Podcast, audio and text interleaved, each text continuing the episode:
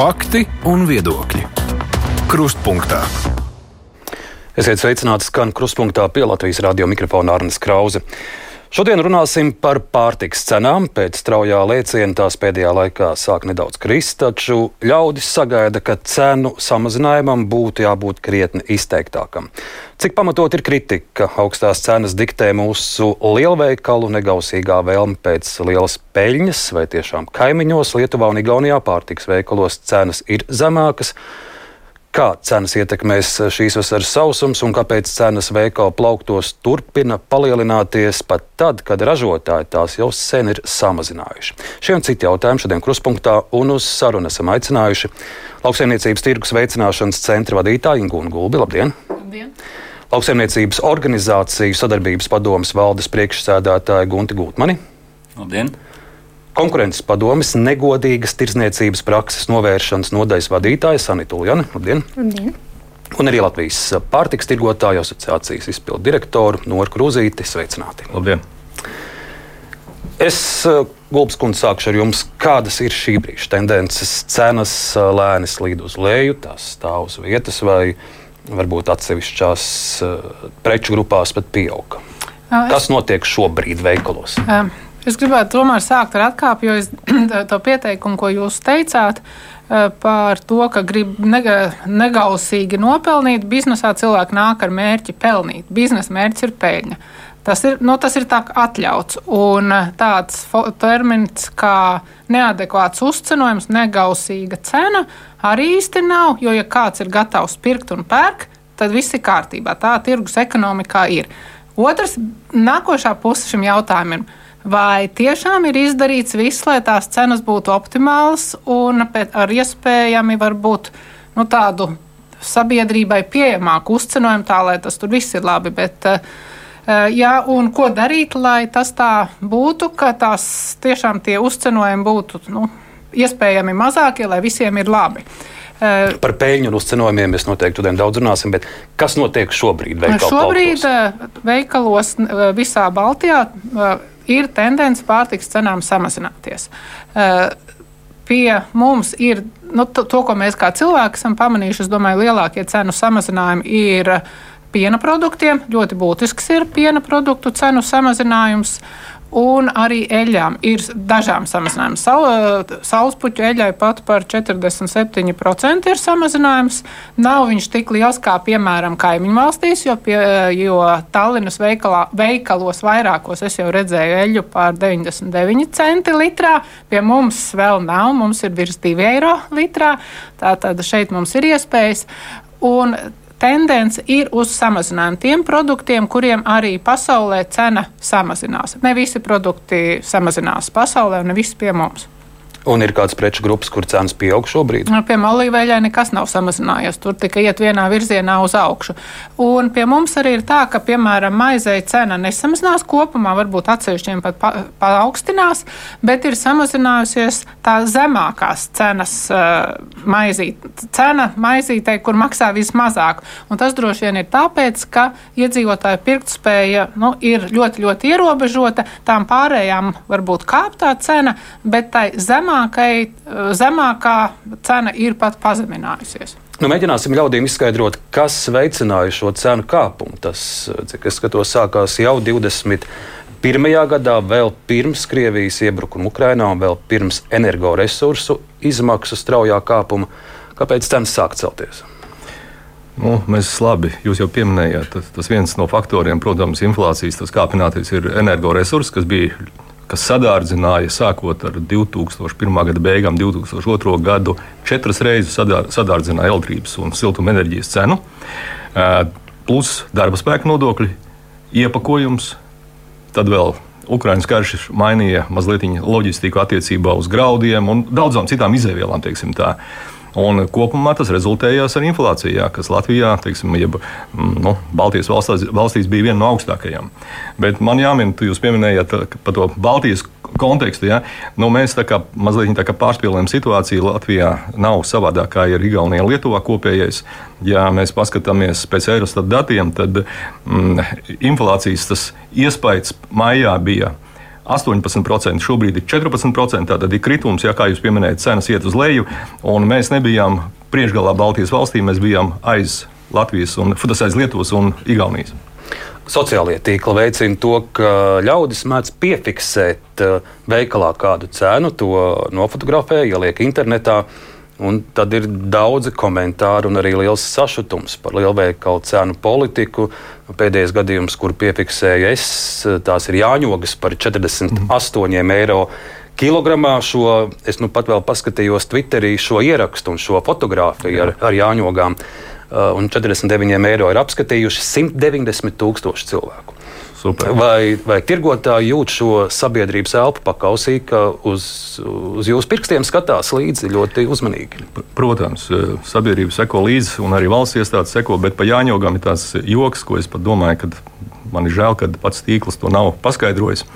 Šīs jāņogas, ko jūs redzējāt par to lielo cenu, jā, ir fasēts ļoti mazā iepakojumā un praktiski viņas ir uh, vienmēr veikalā kā tāda nu, deserta sastāvdaļa visu gadu. Uh, viennozīmīgi šādā iepakojumā, viņas pamatā ved no Čīles. Šobrīd man liekas, no Beļģijas. Un es kolēģiem jautāju, nu, kas, kas ir noticis, jā, vai kaut kas savādāk. Nē, nekas nav savādāk. Šobrīd lielveikali Latvijas jāņauks nopirkt nevar. Vienkārši nav.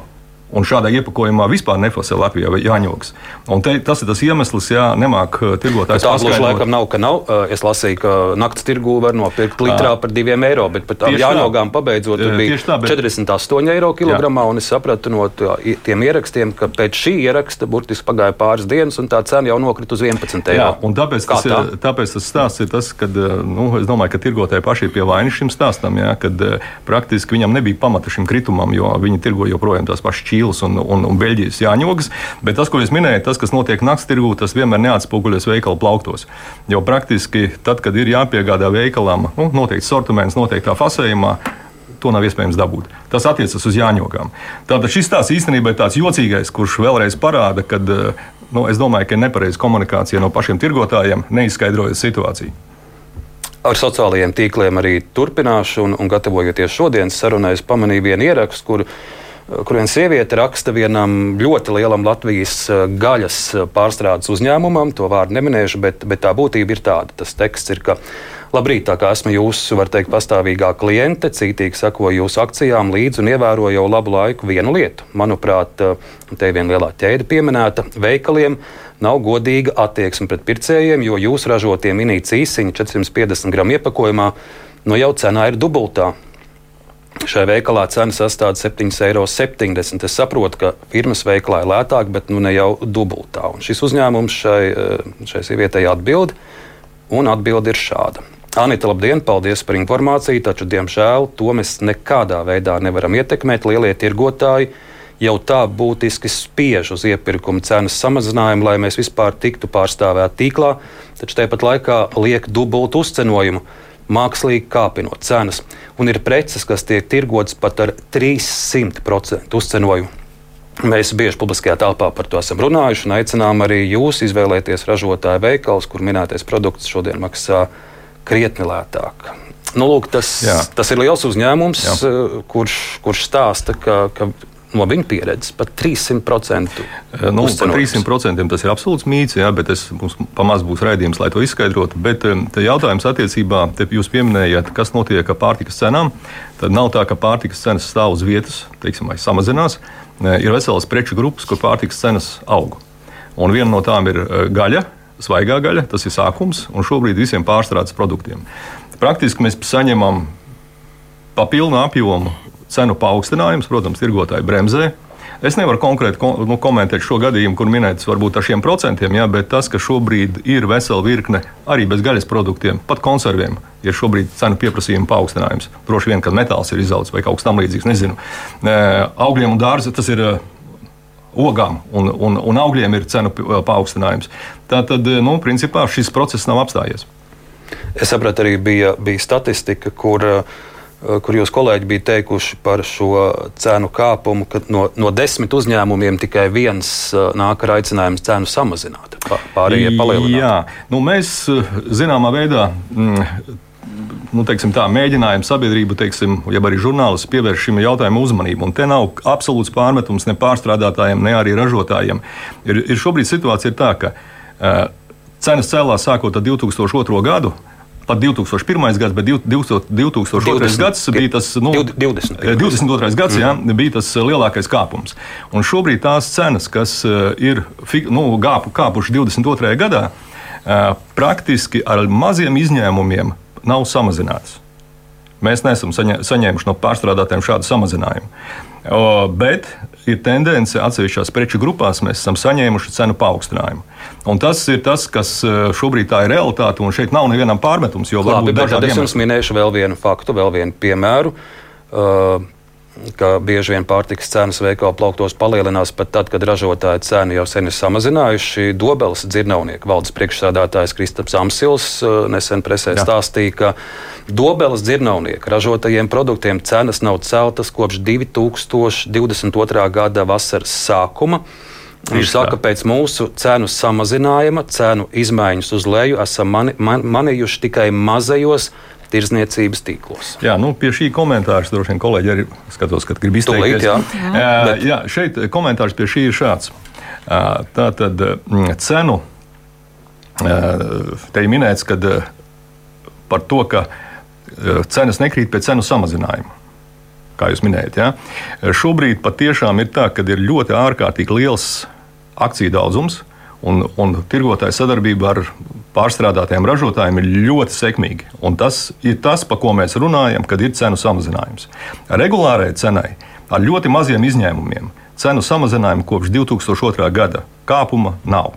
Bet izskatās, ka vienkāršā valodā dobels dzirnavnieks saka, es, ka viņa cenu ir samazinājuši jau pirms gada lielajās veikalu ķēdēs. Nekāda tā tad dobels dzirnavnieks, es, es varbūt ne, detaļās neaiziešu. Dobels dzirnavnieks min par cenu paaugstinājumu no 22. gada, un patiešām viņš ir viens no retajiem, kas ir samazinājis dažiem produktiem. Es pat nepateikšu precīzi, cik uh, dobels dzirnavnieks ražo desmit, pat eh, nu, vienā veikalā var būt simts produkti. Eh, man arī ieinteresē šis jautājums, nu, kas tad ir noticis. Jā? Un, eh, praktiski šobrīd no tiem produktiem, ko Dubels zinātnieks ir samazinājis cenu, patiešām ir jā, nezinu, kaut kādi seši vai septiņi produkti. Daļai no viņiem ir samazināta, daļai nav. Un te ir pārmetums arī tieši tirgotājiem. Neiet runa šobrīd par naudas izteiksmu vai kaut ko tamlīdzīgu, bet te iet pa principu. Ja cena samazinās, tirgotājiem cena ir jāsamazina. Te droši vien ir atkal cilvēciskais faktors. Iesaistīsim sarunā arī pārējos dalībniekus. Ingu, jums bija vēl kāda piebilde pie šī? pašā sākumā, kur gāja runa, ka tie cīsiņi citos veikalos ir lētāki nekā tajā lielveikalā. Un tas ir tāds ļoti īpatnējs paradoks, ka lielie veikali, lielās mūsu ķēdes no ražotāja saņem pa ļoti mazu cenu, pa zemāko iespēju iespējamo cenu, kāda ir. Tad nākošie saņem jau par lielāku cenu. Ja tu, tur man ir ļoti skaidri zināms skaitļi. Ja tu ņem paleti, tad tev ir 2,16 eiro plus PVN. Ja mazāk, tad 3,16 eiro plus PVN tā ir ļoti, ļoti būtiska atšķirība. Tam produktam es tiešām nezinu, kāda cena iznāk no, nu, no paša, paša sākuma, kāda ir lielajām ķēdēm, Maksimai un Rimī. Uh, un, ja paskatās gala cenas, tad tie veikali, kas saņem jau ar 2 un 3 eiro pamatcenu, vienalga gala cena viņiem veikalā ir zemāka. Nu, tur tomēr nav izskaidrojams tas. Tas nozīmē, ka nav optimāla tā tirzniecība vai nav pietiekoša konkurence. Ja tu saņem gandrīz uz pusi dārgāk un, un gala cena iznāk lētāka, nu kaut kas tur neiet kopā. Lauksaimniecības organizācijas sadarbības padomus valdes priekšstādātājs Gunts Gutmans, jūs eh, šonadēļ aicinājāt visas iesaistītās puses atklāt savas cenas un uzcenojumus, lai tad uh, pircēja sabiedrība redz, kā, kā šī cena veikala plauktā veidojas. Jā, nu, mums, mums ir tā diskusija bijusi gan ar, ar pārstrādi, gan arī ar tiešiem ražotājiem, kas ir daži, kas piegādā veikaliem produkciju. Un tiešām atkal nesaucot nevienu tīklu vārdā, tie skaitļi, ko mums min, jo tas ir komerces noslēpums, to nevar publiski izpaust, nu, tie skaitļi ir ļoti dažādi. Un tas, kas mums šajās sarunās vienmēr notiek, mēs tādas paslēpes spēlējam. Un, un tad viens saka, es te uzcenoju, es neuzcenoju, vienam ir lielāka uzcenojuma, vienam ir mazāka. Ja mēs esam uh, godīgi. Uh, Visas ķēdes dalībnieki, nu tad visa ķēde pasaka, kāda tie viņu uzcenojumi ir, tad patērētājs vai nu redzēs cenas kritumu vai cenas pieaugumu, bet būs godīgi skaidrs, kurš cik daudz nopelnu uz tā. Jo tā kā Ingūna sākumā teica, tas ir bizness. Protams, katrs grib nopelnīt, bet jautājums ir, vai, vai reizēm tas nu, mūsu pirktspējas gadījumā, mūsu valstī vienmēr ir nu, adekvāti. Tā otra lieta, kas ir būtiska, ko mēs esam nu, bieži vien teikuši un kaut kā neesam varējuši saņemt atbildi no, no, no tirgotājiem. Uh, Mēs uzskatām, tomēr, ka lielā daļā gadījumu mēs patērētāju drusku pienām, piemānam ar mārketingu. Un tas, ko mēs nu, tādā nepārmetošā ne ziņā, jo mārketings, protams, arī ir tirsniecības sastāvdaļa, tas, ko mēs gribētu. Nu, kā tā mānīšana izpaužās? Tas, ko mēs gribētu, lai mēs saprotam, ko mēs nopērkam. Vai tas ir vietējais produkts vai importa produkts? Mēs esam lielveikals sen aicinājuši un visus tirgotājus nodalīt produkciju. Vietējo produkciju no importa produkcijas. Skaidri un gaiši precīzi uzrakstot, šis plaukts ir imports, šis plaukts ir vietējā produkcija. Jo bieži vien cilvēki. Atkal neminēšu konkrēts veik, lielveikals, bet es manu, ka tomēr ar vien vairāk produktiem apakšā ir diezgan liels uzraksts, ka tas ir Latvijas produkts. Jā, ir uz cenu zīmēm. Bieži vien jau, mm, tad, kā laikam nesaucot vārdā, jau kādu gadu vai divus atpakaļ viens lielā tirniecības ķēde ieviesa Latvijas karodziņu uz, uz cenu zīmēm. Tiešām paldies, tas ir, tas ir jau solis pareizā virzienā. Bet, piemēram, privātās markas, kurus ļoti bieži izmanto lielveikali savā tirzniecībā, es zinu, kā var atrast, vai tā ir Latvijas produkcija vai nē. Bet es esmu absolūti pārliecināts, ka nu, 90% patērētāji to nezina. Tur ir tāds neliels, mazs, mazs aplītis uz piena pakas, kur ir rakstīts LV, un, ja tu zini tos cipariņus 004 beigās, tad tu vēl zini, kurš konkrētais pārstrādātājs to produktu ir ražojis. Un tur tas, ko man stāsta savukārt pārstrādes uzņēmumam, ka bieži vien ir tā, kāpēc šis produkts ir lētāks. Tāpēc, ka pārstrādes uzņēmumam atkal, ja tu man nedos par tādu cenu šādu produktu, mēs, mēs to neņemsim pārējo produktu. Un viņiem, protams, ir svarīgi šie produkti. Tas ir stāsts par ir... to, ka Latvijas ražotāji ir teikuši, ka viņiem ir nevienlīdzīga konkurence ar tirzniecības ķēžu šo privāto Jā. preču zīmu produktu cenām, un ka cenu dempings notiek tieši uz vietējo ražotāju rēķina.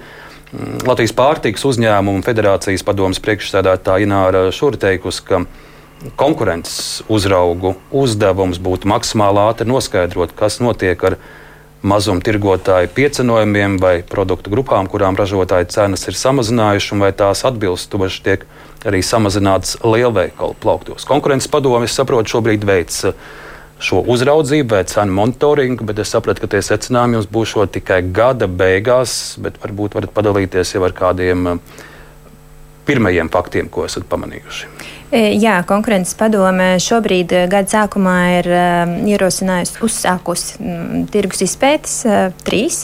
Un viena ir tā, kur sabiedrību laikam interesē visvairāk, jo šī tirgus uzraudzība apskata tādas um, produktu ka, kategorijas kā olas, piens, gaļa, zivis, kas ir uh, primārās preces, ko cilvēki arī ikdienā iegādājas. Un šīs tirgus uzraudzības mērķis ir uh, noskaidrot. Uh, principā, kā cenu korelācija tiek, notiek pārnese šai cenai, sākot no paša lauksaimnieka līdz tirgotājiem.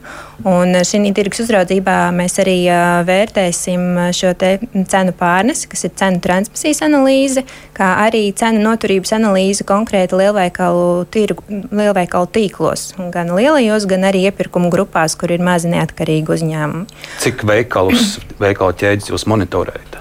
Uh, ap desmit, varētu teikt. Tā, tās lielākās visas. Lielākās visas, jā. Lielākās visas, un tas laika periods ir no pagājušā gada sākuma līdz šī gada maijam. Bet uh, dati ir ļoti daudz un apjomīgi. Arī informācijas pieprasījums, lai sagatavotu konkrētiem piegādes ķēdes dalībniekiem, prasīs ļoti ilgu laiku, un šobrīd tikko, tikko ir izgājuši no mums, un uh, tagad mēs jau sākam saņemt atbildes. Vai ir kādi pirmie secinājumi? Kaut kādu kopainu jau redzat?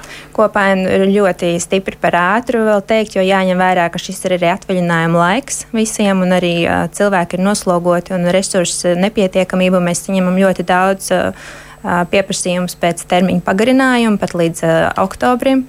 Un tad uh, mēs esam vienojušies ar tirgus uh, spēlētājiem, ka daļu mums iesniegs ātrāk, lai mēs jau varam sākt veikt to analīzi. Tās kas nav analīzē nepieciešamiem dati, tad tos mēs arī nu, piekrītam atlikt nedaudz vēlāk.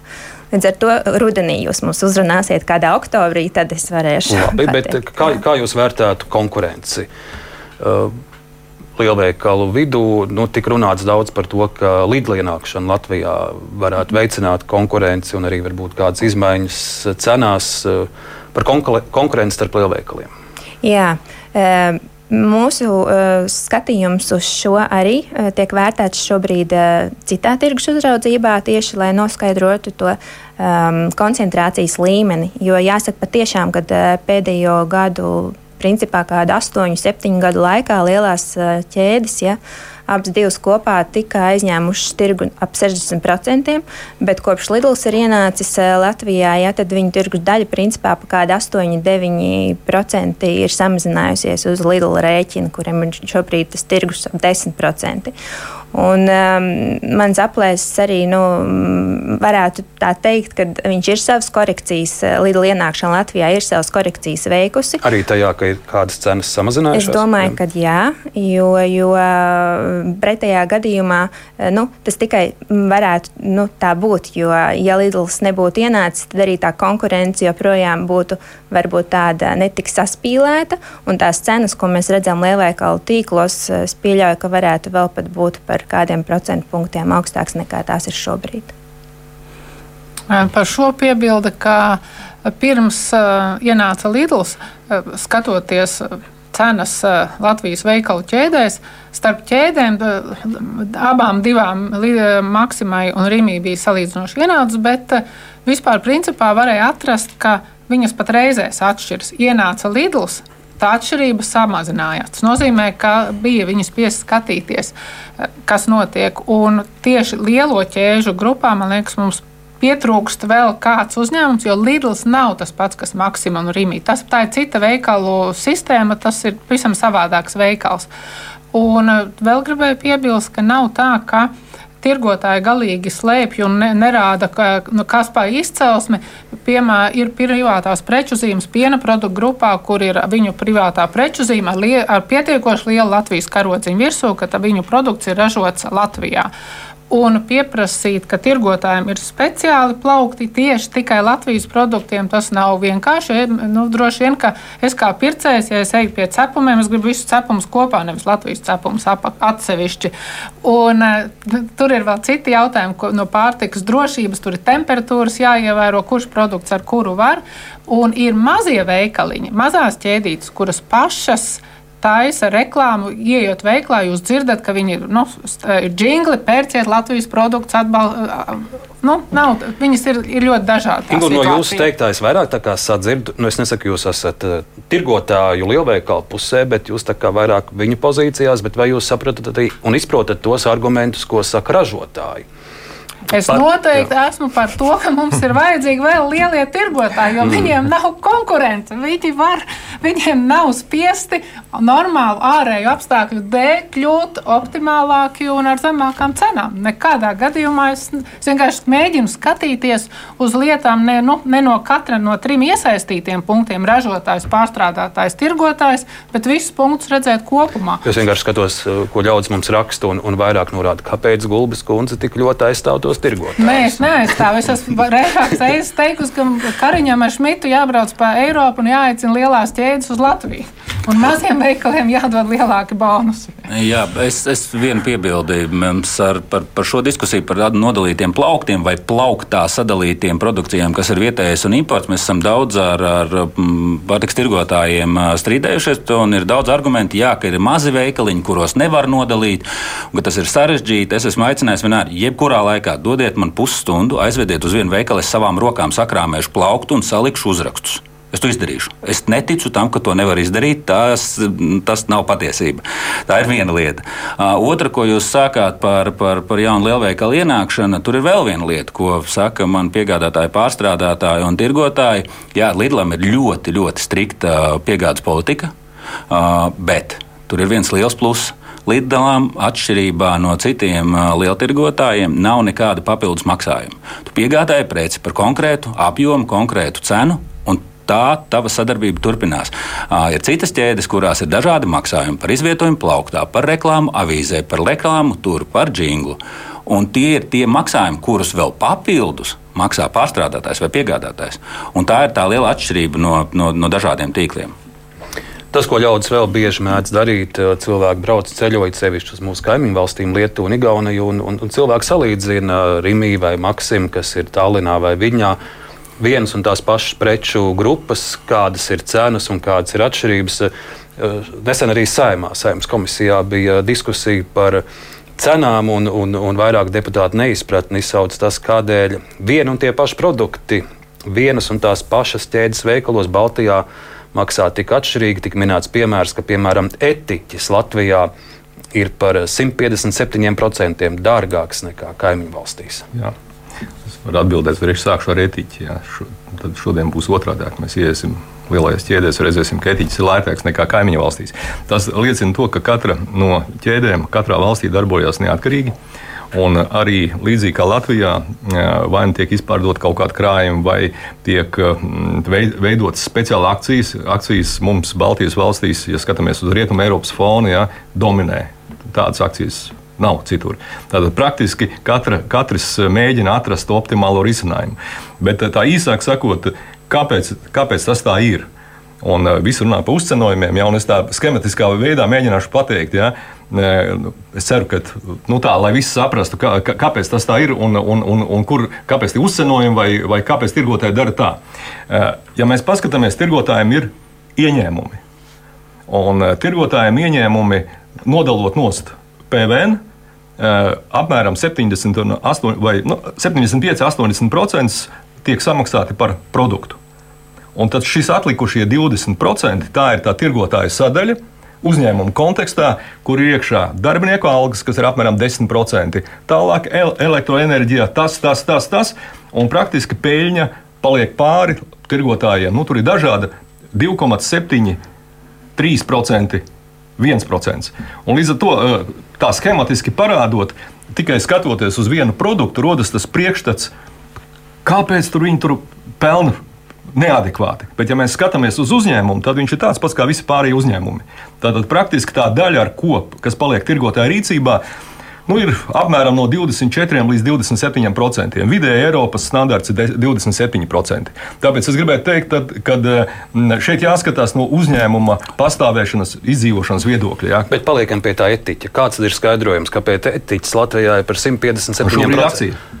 Šobrīd jā, bet kādēļ viņš pirms tam bija, bija krietni dārgāks nekā šobrīd, šobrīd, šobrīd ir tā, ka atsevišķiem produktiem samazinot cenu, kaut kas tajā brīdī iet uz augšu. Un, acīm redzot, tie, kas šobrīd nenolaida Latvijā šo cenu, rēķināja, ka kādiem produktiem, varbūt maizei vai kādam citam produktam, būtu nepieciešama zemāka cena. Ingur, jums ir liela pieredze cenu salīdzināšanā arī Baltijas valstīs. Es saprotu, nesen arī Lietuvā atkal kārtējo reizi skatījāties plauktus un salīdzinājāt, tā ir patiesība vai tas ir mīts, ka pie mums viss ir dārgāks nekā kaimiņiem? Nē, tā nav patiesība, tas ir mīts, bet e, ja kādreiz bija vienas produktu grupa vairāk, otra mazāk, Latvija, Lietuva, Igaunija, tur katram kaut kādas grupas bija labāk, sliktāk. Tāda pēdējais es pat saliku tabulā un iekrāsoja ar sarkanu, kur Latvijā ir nu, dārgāko cenu, un ar zaļu lētāko starp tām pašām veikalu ķēdēm. Pie, pie tam apskatoties arī internetā.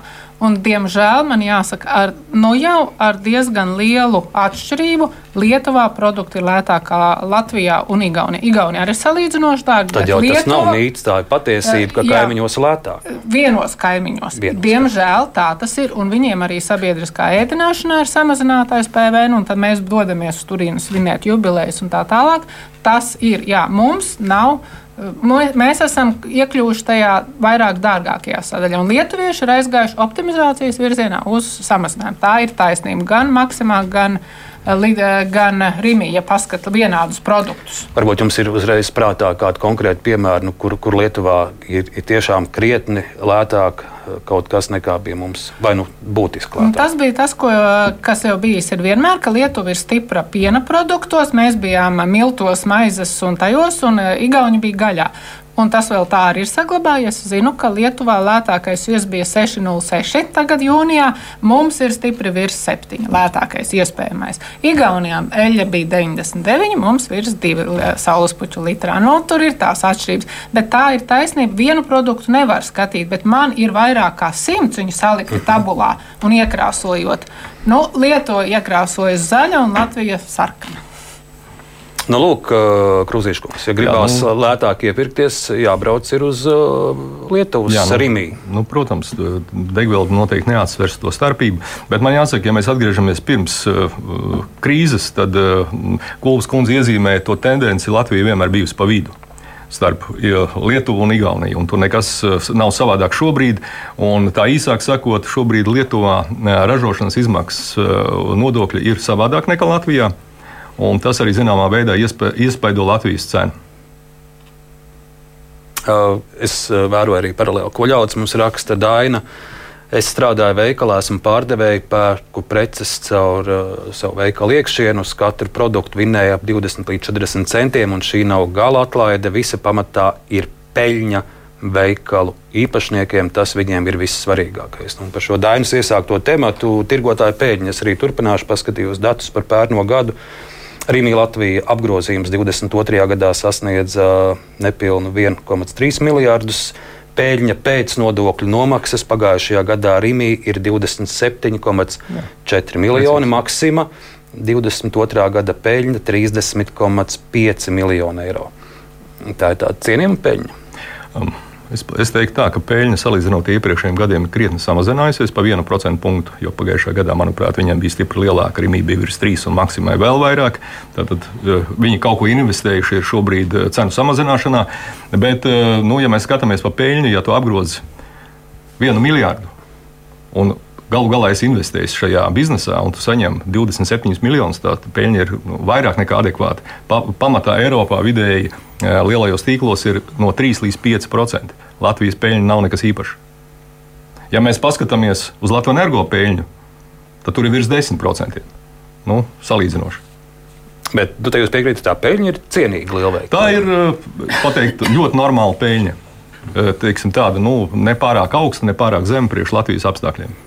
Vai, vai, vai ražotāji, lauksēmnieki droši vien ar šādiem peļņas datiem dižoties nevar? Ja, pie, pie šī jautājuma atceros saimnes tautnē pieprasījuma komisijas sēdi, manuprāt, mēnesi atpakaļ, kur šo jautājumu es tiešām neesmu pārbaudījis, bet no tā, kas izskanēja, ka atkal nesaucot vārdā konkrēto pārtikas ķēdi, kas bija interesants fakts, ko deputāti pievērs uzmanību, ka šai konkrētai ķēdē visās trijās valstīs salīdzinot Latvijā šī peļņa ir tieši uz pusi lielāka nekā blakus kaimiņu valstīs. Es nevaru izskaidrot, kāpēc tas ir tā.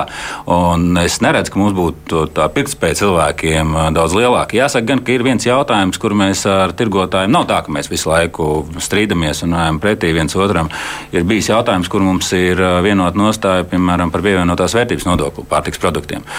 Mēs esam ar veikaliem vienojušies jau labu laiku atpakaļ. Saimnes deputātiem aicinājām pieņemt lēmumu samazināt primārajām pārtiks precēm pievienoto vērtības nodokli. Tas tiešām tiešām būtu iegūms pircējiem, gala, gala patērētājiem, kuram tā pirktspēja krītās. To ļoti labi veikali redz, kā, kā krītās pārtikas groza apjoms un groza saturs, kādā veidā viņš samazinās. Lielākais pārmetums bija tas, ka veikali vienkārši vairāk nopelnīs. Un tas ir tas iemesls, kāpēc PVN nav samazināts pārtikas produktiem. Nu, kā es saprotu no deputāta puses, veikali pat bija gatavi parakstīt vienošanos par to, ka viņi būs godīgi PVN ieviesēji līdzīgi kā ar eiro ieviešanu. Bet, nu, tas ir viens jautājums, nu, kur mēs varētu turpināt strādāt un varbūt pie tā jautājuma kaut kādā brīdī arī nonākt pie tā risinājuma. Vai arī konkurences padome raugās uz šiem peļņas datiem, vērtē, kāda tā ir, cik samērīga? Ne īsti. Konkurences padomus, jā, kā teikt, kompetence ir primāri uzraudzīt, vai dominējošā stāvoklī esoši uzņēmumi neizmanto šo dominējošo stāvokli ļaunprātīgi. Un pirmšķietami, ja mēs runājam par ikdienas patēriņu mazumtirdzniecības tirgu, tad neviens eh, tirgus dalībnieks neatrodas šajā dominējošā stāvoklī.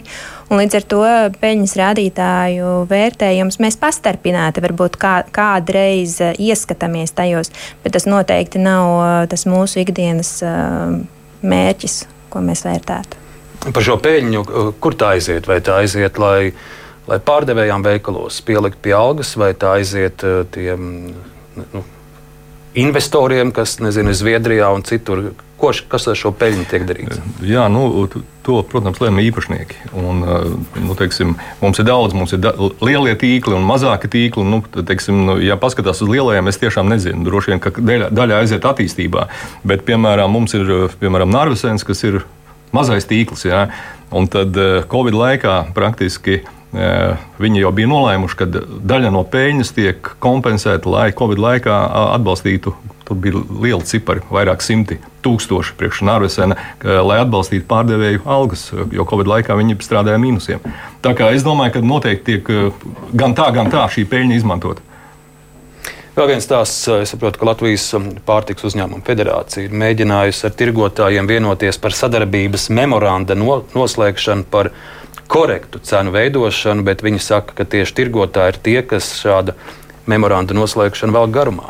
Uh, es teiktu, tā, tā ir puspatiesība, bet es gribēju teikt, Labi iesāka Gūtmaņa kungs. Ir zināmas lietas, kur mēs varam vienoties. Un viens no punktiem, kas šajā memorandā bija, kad mēs operatīvi reaģēsim līdzīgi kā 22. gadā uz cenu paaugstinājumu, ka mēs 15 dienu laikā tad, tad paaugstināsim produktiem cenu nu, ļoti operatīvi. Mēs šādiem risinājumiem absolūti nepiekrītam. Tātad mēs spiežam uz to, ka mēs ejam tradicionālā variantā, izvērtējot visus argumentus, kāpēc šī cena tiek paaugstināta. Līdz ar to šis memorands viens no punktiem, ir, kurām mēs nepiekrītam un mēs gaidām risinājumu. Bet Gutmaņa kungs minēja daudzi punkti, kuri šai memorandā ir noteikti mums sakrīt, kā strādāt. Un viens no punktiem, kas varētu būt un ko arī ierosināja saimnes deputāti, Mēs varētu šī punkta, ko es minēju, vietā likt, piemēram, punktu, ja uh, cena tiek samazināta. Tad uh, tirgotāji reaģē līdzīgi kā eiro ieviešanas laikā, adekvāti principā samazina par šo pašu procentu un to dara nekavējoties. Lai nebūtu tāda situācija, kad parādās, piemēram, nu, Dobels Zirnavnieka stāsts par dažiem produktiem, ja, kur kāds to nav varbūt novadījis līdz galam kādam savam darbiniekam. Šis, šis noteikti palīdzētu vienkārši nu, adekvāti reaģēt uz lietām, kas ir aktuālas. Konkurences padomu vai pie jums arī ļaudis varbūt vēršas, ka viņi ir piefiksējuši, ka viņiem ir aizdoms, ka tur kaut kas nav godīgs ar to cenu veikalu plauktā, varbūt arī paši ražotāji arī jums norāda faktus, kur viņi uzskata, ka, ka veikala īpašnieks uh, nav korekts uh, attiecībā ar, ar, ar preces piegādātāju. Jā, tā ir, kad paši patērētāji un veikali, kas iepērkās, tie vēršas pie mums gan anonīmā veidā. Mums ir iespējams iesniegt iesniegumu. Jūs arī mudinat to darīt, ja ir kādi mm. pamatīgi fakti. Mēs mudinām, protams, mēs vienmēr kā konkurences iestāde, lai arī mēs varētu veikt pilnvērtīgu izvērtējumu un uh, vispār tirgumu, un arī potenciāli, ja kāda lieta ir, tad mēs viennozīmīgi mudinām gan uh, piegādes ķēdes dalībniekus dalīties ar informāciju, gan arī sabiedrībai būt aktīvai. Uh, attiecībā uz ražotājiem un ražotāju sūdzībām jāsaka tā, ka eh, mums Latvijā ir diezgan spēcīgs šis eh, baļu faktors, es tā to nosauktu, jo ražotāji mm, vienmēr viņiem ir argumenti par to, ka ja jūs arī mūs anonimizēsiet un nepateiksiet, kas mēs esam, tad lielveikali vienalga varēs saprast un iziet līdz tam, kurš tad ir tas piegādātājs. Un, diemžēl eh, tā situācija esot tāda, ja ražotājs eh, pie mums vēršas ar eh, kādiem datiem, kas varētu liecināt par kādiem negodīgas tirniecības prakses veidiem, kas tiek īstenot no lielveikalu tīkla puses, tad um, Tāpat tās beigu galā lielveikali pret, pret viņiem var izvērst kādus uh, pretpasākumus. Grozīšu kungs, lielveikali ir tādi ļaunatminīgi, ka, ja kaut kas ir bijis tāds, tad es, es klausos, un es zinu, ka tādas runas iet, ja, bet es domāju, ka tā nav labākā sadarbības kultūra. Arī šobrīd runājot par cenām, nu, katrs mēs zinām, ko mēs varam, ko nevaram, bet tikai sadarbojoties un meklējot ceļus, pat ļoti asā cīņā, varbūt pārunās un tā tālāk, var nonākt pie kaut kāda virzības. Un vēl viens, es jau ievadā minēju, ka es vaicāšu arī par sausumu. Es gribu Gulbis kundzei vaicāt, uh, sausums, ko mēs pieredzējām nu, pēdējās nedēļās, dienās, uh, nu, jau līdz bagātāk, bet, bet tā ietekme ir. Un, un lauksaimnieki saka, ka, ka raža būs mazāka, un, un, un graudkopi saka, ka ir krietni arī uh, viņu platības cietuši. Kas būs ar, ar pro, lauksaimniecības produktu cenām rudenī? Tas, kas notiek Latvijā, tas cenas Latvijas veiklos ietekmē ļoti minimāli. Mums jāskatās, kas notiek pasaulē un Eiropā. Diemžēl arī tur nekas labs nenotiek. Eiropā ir milzīgs karstums. Un, tieši tā, Eiropā arī ir sausums un karstums, un Ukrainas dambju uzspridzināšana arī lielu pārtikas ražošanas apgabalu izsita no sliedēm. Viņiem, piemēram, tur bija pat vairākas dārzeņu ražas gadā un tā tālāk, nu, kas šogad nebūs. Bet, bet uh, to mēs redzēsim vēlāk. kas būs, jo runājot ar ražotājiem, tieši, tieši tāds pats, kas iepriekš, kā jūs te teicāt, ka ražotājs nevar, nevar izteikties, jo tirgotājs viņu tur sodīs. Tur tā ir problēma, ka mums ražotājiem, pārstrādātājiem nav spēcīgas organizācijas, kas var runāt, jo nav tirgus spēks vienāds tirgotājiem, ir viņš lielāks nekā uh, ražotājiem. Bet, nu, tā patreizējā prognoze ar dārzeņu cenām, jā, kas notiks? Pašlaik man liekas, ka arī tiek mēģināts visās pusēs drusku vairāk kurināt un teikt, ka tas būs iemesls, kāpēc nu, noteikti Jā. cenām jākāpj un vai viņas nevarēs samazināties. Un tur nu viss trīs laikam ir diezgan vienādi. Ražotājs, pārstrādātājs, tirgotājs, ka jā, jā, mums mums ir pamats. Bet arī Latvijā dažādās, dažādos reģionos, dažādiem ražotājiem ir dažāda situācija. Pat mazajā Latvijā. Un ir, piemēram, dārziņu ražotāji saka, šogad mums ir izaudzis un, un labāk, tāpēc, ka šogad dīkšanas periodā bija mitrs, pagājušajā gadā nesadīga. Un tāpēc mēs, ka pagājušajā gadā visā Eiropā nesadīga, mums šausmīgi dārgi burkāni, šausmīgi dārgi sīpoli, kas nekad nav bijuši. Sausums atstās iespēju noteikti, bet tā zem šī karoga mēroga jau nav jāsāk tagad staigāt un teikt, tūlīt visam kāps cenas. Paldies jums! Un no, no jums es šodien ir uzzināju, ka Igaunijā olīveļa 99 centi gaidīsim. Saules puķu eļļa. Kur pareizi olīveļa tieši, tieši dārgāk paliek. Jā. 99 centi Igaunijā. Gaidīsim, kad arī mūsu plauktos būs saules puķu eļļa par 99 centiem. Es saku paldies sarunas dalībniekiem, lauksaimniecības tirgus veicināšanas centra vadītāji Ingūna Gulbe, lauksaimniecības organizācijas sadarbības padomas valsts priekšsēdētājs Guntis Gutmans, konkurences padomas negodīgas tirdzniecības prakses novēršanas nodaļas vadītājs Sanita Uljana un Latvijas pārējais pārtiks tirgotāju asociācijas izpildu direktors Noris Krūzīts. Paldies jums! Paldies. Mums tūlīt brīvais mikrofons. Es garantēju, ka arī par, par plauktiem un veikalu cenām ļaudis zvanīs un savu pieredzi stāstīs. Tūlīt brīvais mikrofons.